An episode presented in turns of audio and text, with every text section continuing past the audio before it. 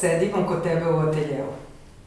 Zašto ovaj prostor? Mislim, nekako je verovatno logično, ali zašto? Pa, ne znam, tu sam svaki dan, to ceo dan, ne znam gde je drugo bi smo išli. Mislim, postoje još razna mesta, ali nekako mi je ovdje naj... Barem se ovdje najprijatnije osjećam. Ali ovo je prostor na trudbenika.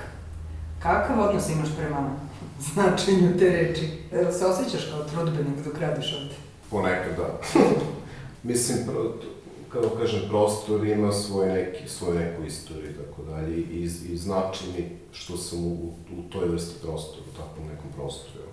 Mislim, kao kažem, tu sam već uh, skoro 10 godina, u, u, u, ne, ne u ovom konkretnom ovaj prostoru, ali u, u, u tim nekim, da kažem, u ovoj zgradi.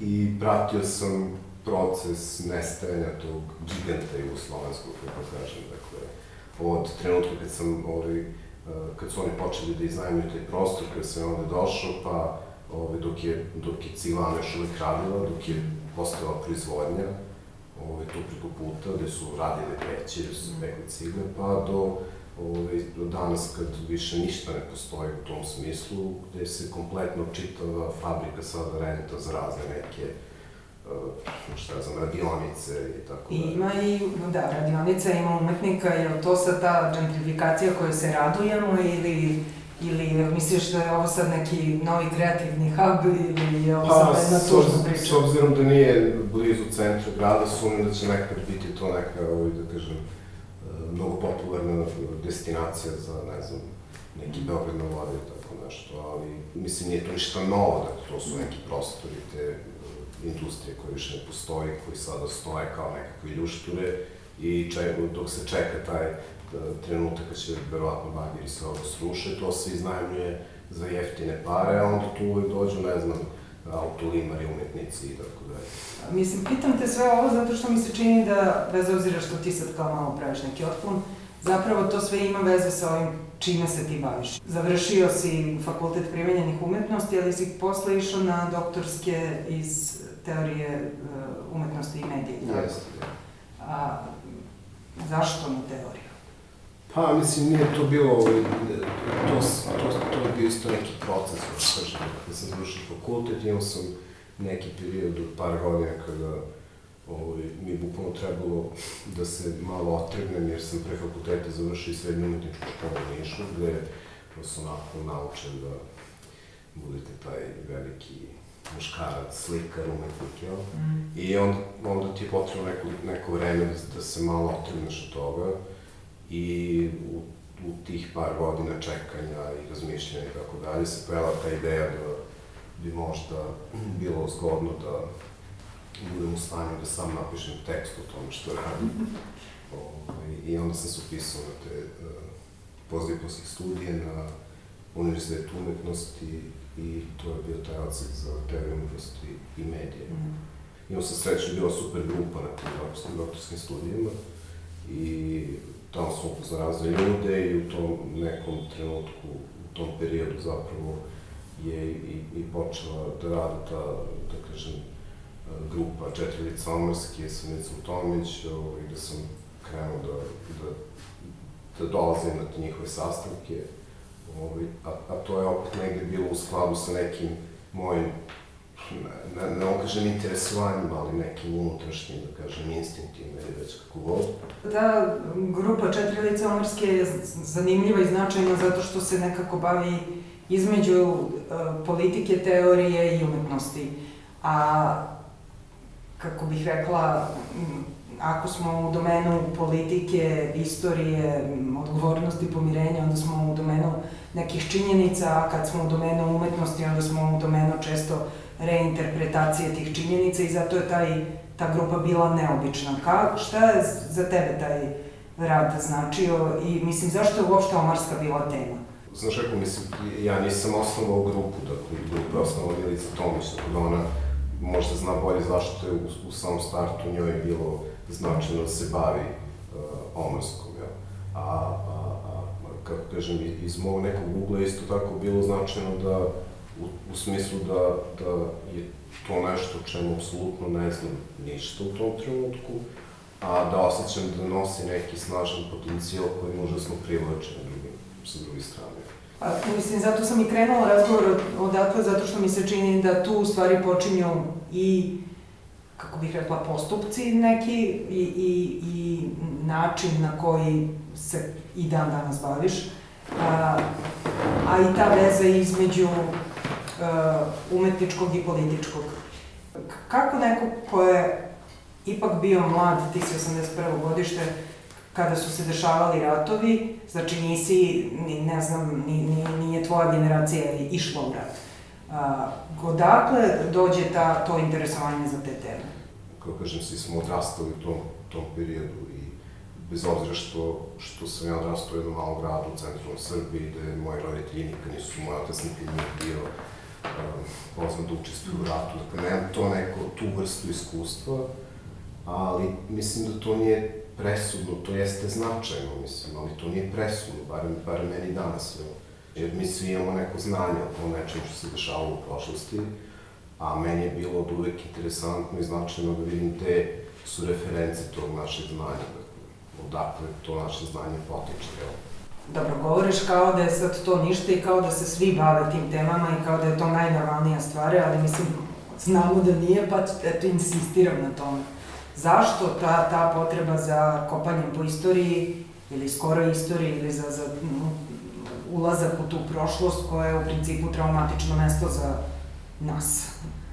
Mislim sad da, da se vratimo o nas, dakle, to kada sam krenuo da se bavim uopšte studijama sećanja, kada je krenuo to sve da me interesuje, kada sam krenuo čitam te neke autore i tako dalje, a sa druge strane, pošto ovaj,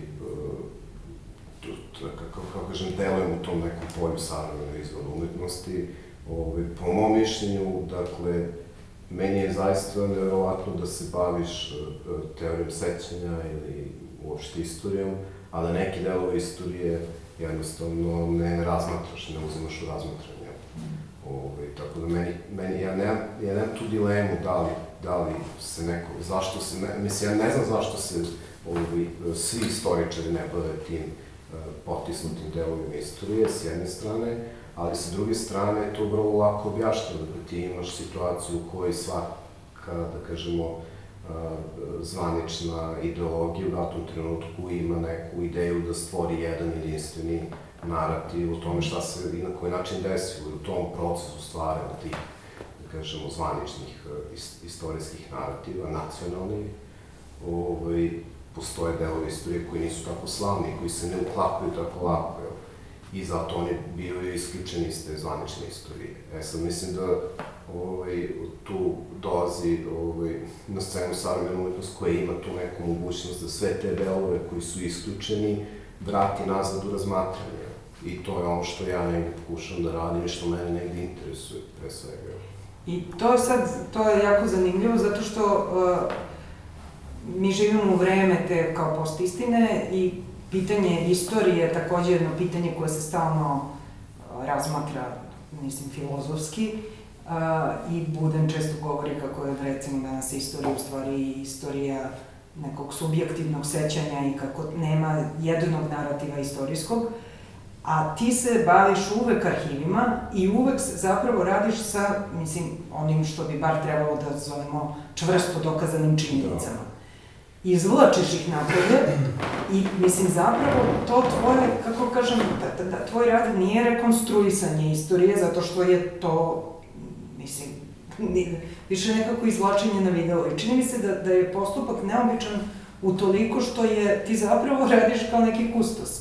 Biraš neke delove i stavljaš ih eventualno u neki novi kontekst. To nije nešto što je sad epohalno novo, to je jednostavno situacija u kojoj u nekim e, sredinama koje su proživele određene traumatične, da kažem, vrlo opšte ovaj, e, prošlosti, dakle, postoje svi ti odbačeni e, delovi koji oni jesu možda isključeni iz javnog diskursa, ali oni dalje postoje. Postoje arhivi koji kriju određene stvari, dakle, u kojima se nalaze konkretni dokazi šta se i na koji način desilo, ako postoje neki deo istorije koji je problematičan, o kome se danas diskutuje i postoje razne neka negodovanja. O, mislim da svako manje više može da sazna šta se desilo, jer postoji niz dokaza u razni, raznim arhivima čak i nekim konkretnim, dakle, pravno-birokratskim, kao što su, ne znam, neki arhivi raznih nekakvih sudova, pred kojima se vodili postupci za neke stvari koje su dešavali i tako dalje. Sa druge strane, svaki arhiv je veoma, mislim, arhiv kao skup tih nekakvih artefakata, jel, je u potpunosti mrtav sve do trenutka dok neko ne, uh, ne oživi njegov sadržaj, u smislu da, makar da krene da nešto pretražuje po tom arhivu. I zato to uvek bude uh, neka vrsta opasnosti društvene, kad god se pojavi neko ko nešto sad krene da kopa po tim nekim mhm. tragovima, to je sad nešto, tu sad neka nelagode, jel? Ove, ali sa druge strane, to je trenutak koji je uh, za mene iz, iz, iznad svega političan.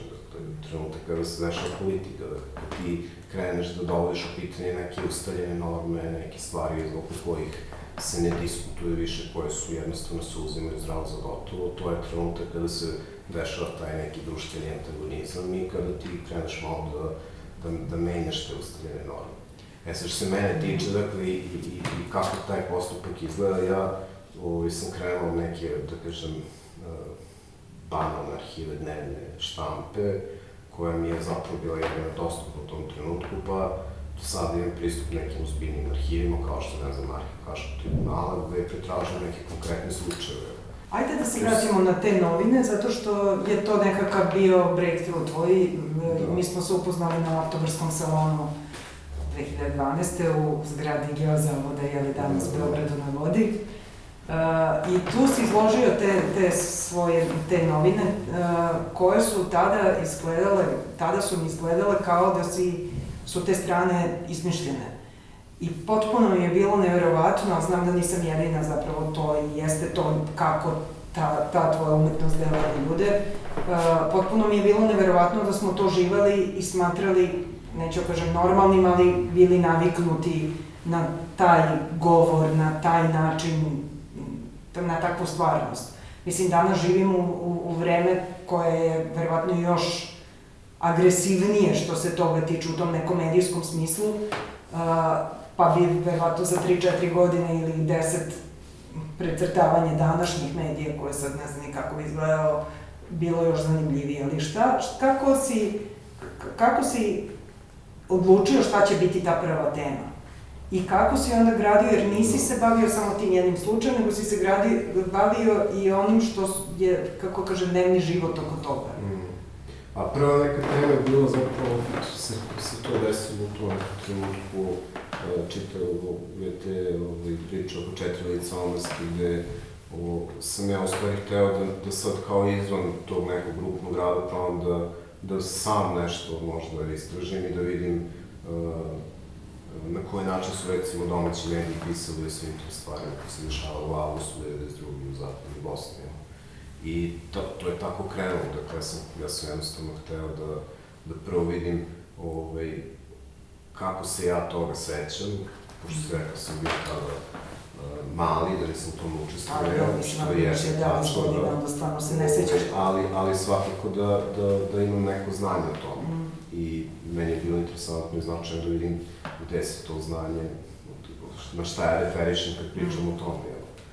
I taj prvi arhiv je bio arhiv dnevne štampe, dakle ja sam krenuo da odlazim na biblioteku na dnevnom nivou i da jednostavno čitam sve te neke ovaj, poručio bih, ne znam, politiku i avgust 92. i onda sam krenuo da čitam šta se to napisalo, mislim, bez, bez neke jasne ideje šta bi, na koji način bi se tim materijalom radio. Dakle, sve ovo je, je došlo kasnije kao kroz neki proces promišljanja šta sad dajem sa svim tim ovaj, skeniranim stranicama koje sam skupljao manično ovaj, u, u tim arhivima i pravio neki svoj arhiv sa svom tom uh, medijskom građama, ali nisam baš imao neku jasnu ideju šta ću s tim da radim. Koliko danas, posle, evo, koliko, 7-8 godina, 10, koliko imaš tih radova vezanih za, za novinsku štampu? Pa to još, ja, ja još uvek to radim. Dakle, ne, ne, znam da radiš, ali sad ne, su to već to desetine. Pa to su stotine. Stotine.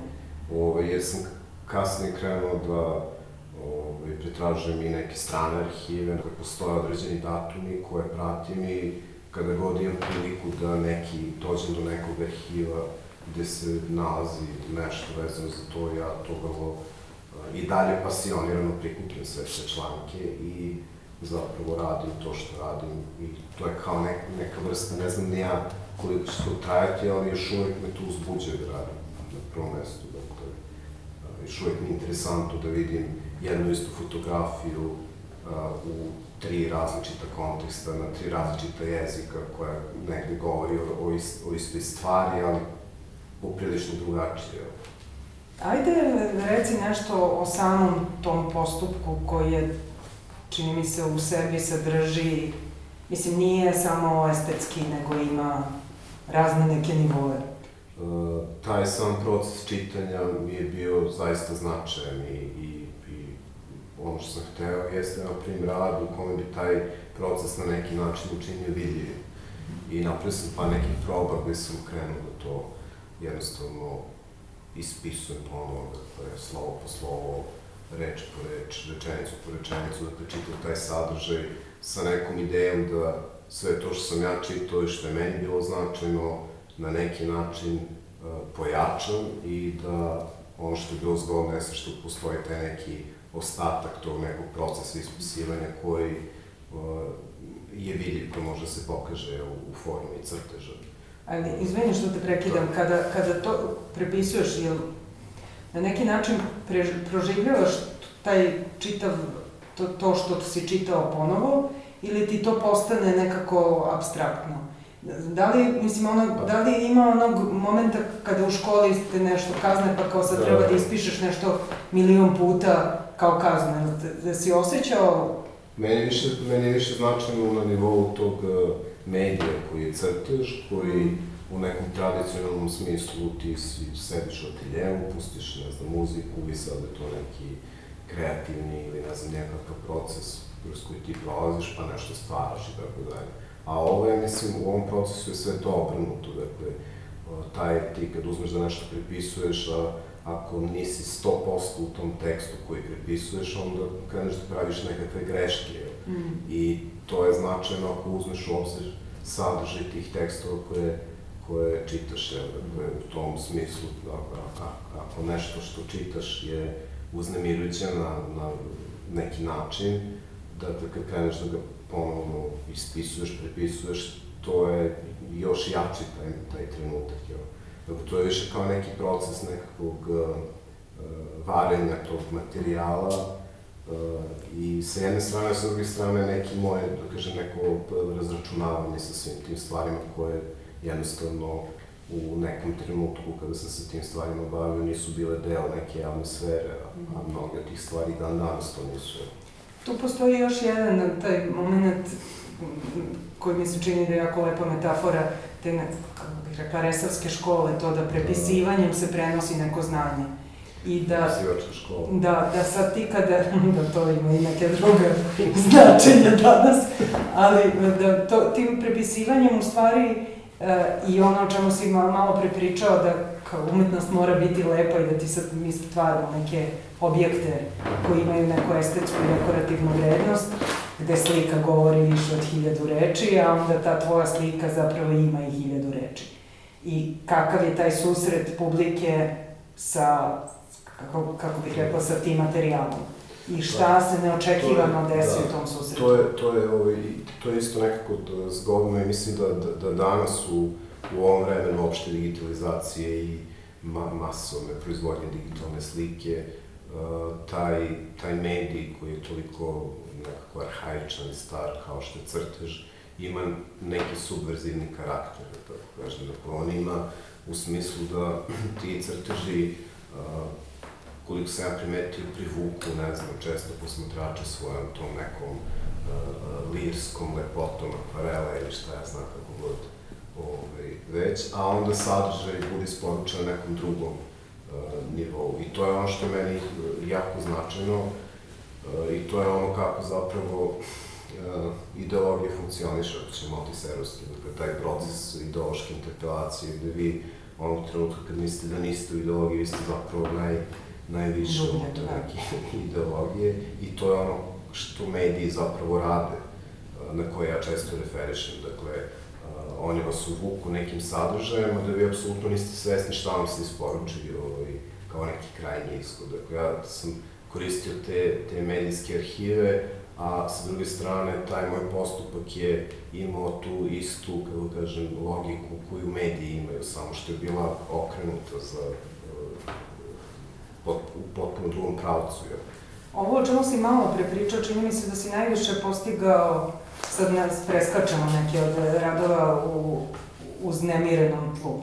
Jer e, tu si zapravo na, na toj jednoj veličanstvenoj službi u Euster galeriji e, izložio te jako velike pejzaže, crveno-bele pejzaže, koji e, su na prvi pogled zaista to m, pejzaži, možda neobično izabrani zato što predstavljaju najčešće neko šiblje ili neku stazu, a ne sad, kako kažem, zalazak sunca, ali kao pejzaži. A pored njih si izložio jako delikatne te crteže nekog bilja, Cveća. cveća, e, i postavio si m, um, u prostoru mesto, ligištule da može da se sedne i da se uživa u tom, tom pejzažu a da zapravo u pozadini te priče su u stvari neka mesta zločina. Zapravo sam u jednom trenutku dobio potpuni pristup toj arhivi Haškog tribunala gde sam krenuo da pretražujem različite slučajeve, što je dan danas radim. I u jednom trenutku sam krenuo da bukvalno nailazim na te e, nizove fotografija različitih pejzaža koji su fantastični, dakle. I, dakle, to su to je kao skup fotografija na koje sa, za koje odmah ne znaš o čemu se radi, ali onda kad kreneš dalje i dublje da istražuješ te uh, foldere, onda vidiš da tu uh, da su to zapravo i de, te fotografije su nastale kao deo istražnog postupka, ako se pretpostavlja da se na nekom mestu, u nekom prostoru ovaj, desio ili neki zločin ili da, da tu ima nečega što bi trebalo istražiti, sud šalje timove fotografa, e, forenzičkih fotografa koji fotografišu e, te, te prostore. Dakle, to je uh, gomila zaista tih fotografija koje na prvi pogled ne znaš o čemu se tu radi.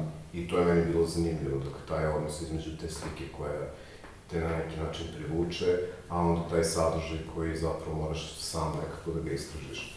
A, što se tiče tih, tih cvetova, dakle, ja sam u jednom trenutku sa prijateljima otišao, seli smo u auto i otišli smo da, da vidimo taj prostor Tomašice, to je u tom trenutku je bila najveća masovna grobnica koja je pronađena u, u, u Bosni i nakon što se sva ta eskumacija završila i tako dalje, mi smo seli auto i otišli smo da to vidimo iz neke, ne znam nijaka, iznatiželje i to je tako, to, kako je Bosna lepa, kako jeste, prolazi se kroz nekakvu šumu, najđe se na jedan, kako kažem, Proplanak. proplanak koji zaista prelep i na sve tog proplanka je tako jedna velika uh, rupa. Sad, pošto je zemljište od te gline u tom kraju, ono ne može da absorbuje vodu i to se od kišnice već pretvorilo u neku, neku vrstu omenjeg jezera.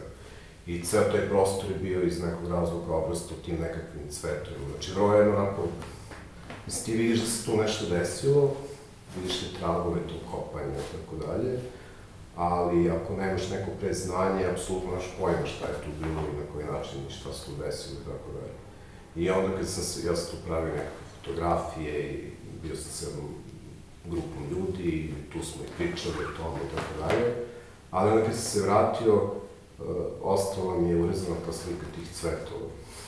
Pa, pošto je na toj izložbi bila gomila tih velikih crno-belih pejzaža, onda sam napravio jedan niz tih tih akvarela, gde u stvari sam se trudio da se setim šta je to što sam tamo vidio. Dakle, I to nam nekako, kako kažem, vraća nas na Hanu Arendt i badalnost zla koja čini mi se u ovome čime se ti baviš nešto što stalno stoji u pozadini. a, a jeste, ali mislim, osim, to, osim toga, ovaj, tu, tu postoji taj, taj moment gde smo mi zaista u, na novim prostorima e, godinama bili suočeni sa tim prikazivanjem različite, različitog dokaznog materijala, različitih dokaza, sa opiranjem prstom, ko je šta uradio na koji način.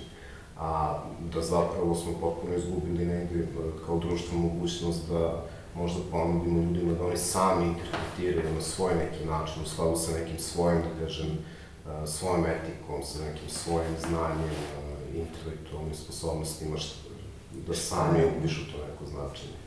I to je, u jednom trenutku sam naletao na tu knjigu Lidija Hubermana koji piše četiri slike iz Auschwitza i postavlja pitanje da li su nam te slike potrebne ukoliko želimo da, da verujemo da, da se zapravo holokaust desio. On kaže da to apsolutno te fotografije same po sebi govore puno, ali u isto vreme ne govore ništa, jer dokaz je za one koji ne veruju dok oni koji veruju njima nije potreban dokaz, dakle oni će morati da zamisle ovaj, šta se na koji način desilo. I to je u stvari bila neka inicijalna ideja čitave te izložbe. Dakle, da li te fotografije na koje sam ja prilično slučajno naletao, ovaj, imaju neku mogućnost da pokrenu proces imaginacije i da zapravo postave više pitanje da li se nešto na tim prostorima desilo, šta se desilo. Ajde, da, ajde da u stvari pričamo o tome šta je za tebe umetnost danas, šta je za tebe savremena umetnost, zašto se time baviš, šta je to sad kao te neke tvoje teme, jesu to sad, ću namjerno da kažem istina, odgovornost, pomirenje, ali nije tako, mislim, šta, šta, zašto, šta je to što te u stvari pokreće? Zašto si umetnik? Pa ne znam, to je, to je stvarno komplikovano pitanje, ja znam sad ovim na koji način mogu da odgovorim, ali ako, ako insistiraš na tim temama koje, me, koje ja negde, na kojima ja insistiram, ovaj, to je verovatno pitanje etike i neke, da kažem, nekog intelektualnog angažmana u periodu kada jednostavno neke stvari su problematične. Mislim, to je, kako kažem, ne samo umetnosti, nego bilo kojoj sferi, da, drugoj sferi društvenog, društvenog života. Evo Dakle, danas imamo situaciju da mnoge stvari nekako promiču, a red, redki su, da kažem, ljudi koji su spremni da, da rizikuju. Jel?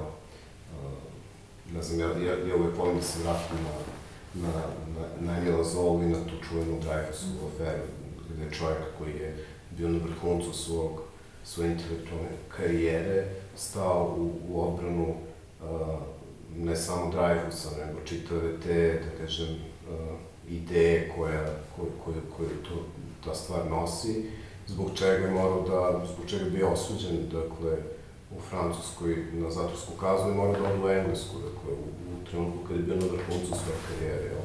Dakle, meni je to negde neki trenutak koji uh, je nekako logičan, jel? Dakle, postoje neke stvari koje su problematične, jednostavno uvijek će biti ljudi koji se tim stvarima baviti. Ali kada se nešto, pošto postoji, uh, mnogi ljudi smatraju da umetnost ne treba da se bavi politikom pa, i da umetnost... Ja, je... Čekaj da te pitam, da. čekaj. Znači, koja je razlika, i postoji taj pogrdni termin artivizam, kada si kao i aktivista i umetnik, uh, koja je ko, razlika za tebe između aktivizma i umetnosti i da li, mislim, je ima ili misliš da to u stvari nema veze? Pa, mislim, ima, to je sad, e, prvo, savremena umetnost je, kako kažem, dosta širok i elastičan pojam, kao što i politika isto je elastičan i širok pojam. Ali činjenica je da se politika danas više ne dešava tamo gde se očekuje da se ona dešava, nego se dešava negde na nekoj margini društvene, dakle, u nekim uh, bivšim fabrikama ili već na nekim blogovima koje posećuje veoma mali broj ljudi. Dakle, to su negde mesta globalno gledano gde se stvari dešavaju. A dok je zapravo sam centar danas već u potpunosti isto tako globalno uh, radi samo neku agenturu za neki krupni privatni kapital i to je osnov, jedini i osnovni razlog zašto sve to postoji. Znači, kao, kao država je danas u potpunosti u toj službi. Tako, mislim, ja, ja ošte nisam u stanju da napravim neku razliku sad kao, ja kao umetnik sam nešto drugačiji od, ne znam, vozača deset autobusa, jer mislim da i on isto tako ima neku svoju etiku kojom je vođen i ko zna šta radi u slobodno vreme, na koji način i, i kako se odnosi sa nekim stvarima koje ga okružuju svakodnevno. Ne, ne, ja se potpuno slažem sa tobom i mislim da je jako... Kad, kad pričamo o mistifikaciji umetnosti, mislim da je ovo baš trenutak kada to može i treba da se demistifikuje. A šta, šta je sad tu pitanje? Često se govori o tome kako umetnost zapravo nema nikakav značaj upravo zato što je to jedino preostalo polje slobode, jer zapravo je to polje u kome smeš da kažeš sve pa si zaštićen i samim tim, a, a, kako kažem, nema značaj. značaj. Nije to potpuno polje slobode, isto tako, mislim, i ti kao umetnik, ako, ako, ako ako se baviš određenim temama, snosit ćeš svakako određene reperkusije tog umetničkog sistema, dakle, bit ćeš recimo odbačen iz nekih, da kažem, zvaničnih tokova, iz velikih muzejskih postavki i tako dalje, ili nećeš. Ovo je sad dobar šlagvord zato što smo mi ovaj razgovor imali pre nekoliko godina kada si ti bio u užem izboru za našeg predstavnika na Venecijanskom bijenalu. I ja sam smatrala da ne treba da budeš izabran iako sam bila u komisiji, zato što bi to slalo poruku da smo mi zdravije društvo nego što jesmo. Mislim, prvo nemam neki poseban stav o tom bijenalu, gde mislim da o, to, to jeste značajno, ali način na koji se umetnici tamo predstavljaju u velikoj većini slučajeva je poprilično onako da sad ne zalazim na to, ali oslikava neku zvaničnu ideologiju u glavu. Taj moj predlog za, za to bijenale je bio takav da ja ne znam da li mogu da prođe ili nije, on nije prošao, ali ja nisam nikad ni razmišljao o tome. Dakle, ja sam bio u situaciji da kroz taj konkurs napravim jedan potpuno novi rad i ja taj rad još uvijek imam, još uvijek nisam nigde pokazao, ali ovaj, meni je to bilo značajno. I nikada nisam razmišljao da napravim neki rad da bi potencijalno moglo da bude negde e, pokazan, jer u, u tom slučaju bi možda nešto drugo smislio za venecijansko bijenalo, što bi možda ovaj, nekako bolje se uklopilo u celu tu situaciju, što nisam uradio i što nikad ne radim. Dakle, uvek postoji neki, uh, kako kažem, neki o, inicijalni, na nivou instinkta, odabir onoga čime se čovjek bavi u životu. Ajde, mislim, sada kad već pričamo o tome da, si, da, da je umetnik isto kao i bilo koji drugi čovjek ili vozač autobusa ima taj moral i etiku ili ga nema, a, kako, te ti misliš da su teme kojima se baviš danas podjednako relevantne kao što su bile pre deset godina, mislim, na ove teme naše prošlosti, i da li su ovo sad nove teme koje se za tebe javljaju neki, kako kažem, slučajan ili nameran izlaz, odlazak u neku drugu stranu? Pa, ja, ja stvarno ne znam da li su one mislim, ne vidim da su te teme bile nešto mnogo prisutnije pre 10 godina, da sad više niko nema ovog interesovanja za tim. Uh, što se mene lično tiče, ja, meni je stvarno značajan uh, kontinuitet u radu, dakle, da, da to što, što radim, da na tome radim i nikad nisam razmišljao na neke kratke staze šta bi možda bilo interesantno, već sam uvek nekako, mislim, taj rad koji gradim uh, već skoro 10 godina, mislim, kako kažem, stalno ga dopunjujem i tako dalje. Dakle, to, to radim iz, iz nekog vrlo, da kažem, ličnog... Uh, Zato što imaš potrebu. Da, iz neke potrebe, dakle, i to me uzbuđe dok, dok sedim ovde, dok to radim, dakle, to me na neki način ispunjava, mislim, što prilično prozaično možda, ali, ali je tako. Sarađuješ jako puno u poslednje vreme sa arhivom Kubrickovim, a uh, u toku ti je i projekat vezan za uh, bioskop u Prizrenu sa tim plakatima. Kakav ti je, ti se menja odnos kada radiš sa, kako kažem, nekim drugim politikama, malo manje škakljivim ili, ili je pitanje nekakvog iznutra samo osjećaja? Pa, što se tiče tog Kubrickovog arhiva, to je poprilično da isto tako došlo nekako spontano, da sam uopšte došao u taj arhiv i da su mi pozvali da napravim rad vezan za arhiv. Ali sa druge strane, uh, iako moram priznam da nisam ta vrsta Kubrickovih fanova, fanatičnih, ali uh, mi je uvijek bio interesantan i značajan uh, način na koji je Kubrick koristio nasilje u svom, svom, svom radu i kada sam krenuo da pretražujem taj arhiv, u stvari su se neverovatno puno tog materijala se preklapa sa nekim materijalima koje sam nalazio recimo u Haškoj arhivi. Mm. E, ne znam, kao mapa snimanja, što je na engleskom sh- shooting, jel? Mm. Ove, gde su raspoređene e, na mapi kamere iz, iz kojih pozicija one e, snimaju, odnosno pucaju, su vrlo slične nekim mapama.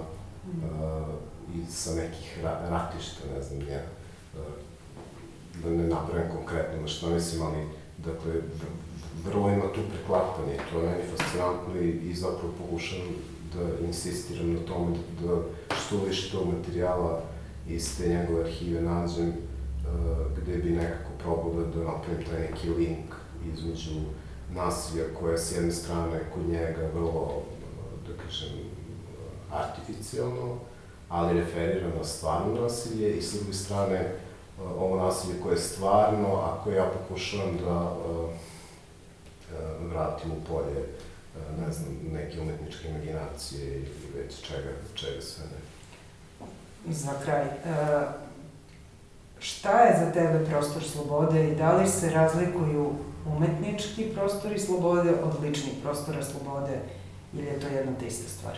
To je, to je svakako jedna te ista stvar, a ti prostori slobode bi pre svega po meni bili simboličke prirode, dakle ne fizički u smislu da sad sam ja ovde u svom prostoru i mogu reći šta hoću, ali, ali prostor slobode kada se, a, kada neko ustane da se pobuni protiv nečega što uh, je zaista veliki problem, a da pritom rizikuje uh, sve što je ikad uradio u svom životu. Jel si slobodan? Pa mislim, trudim se da budem.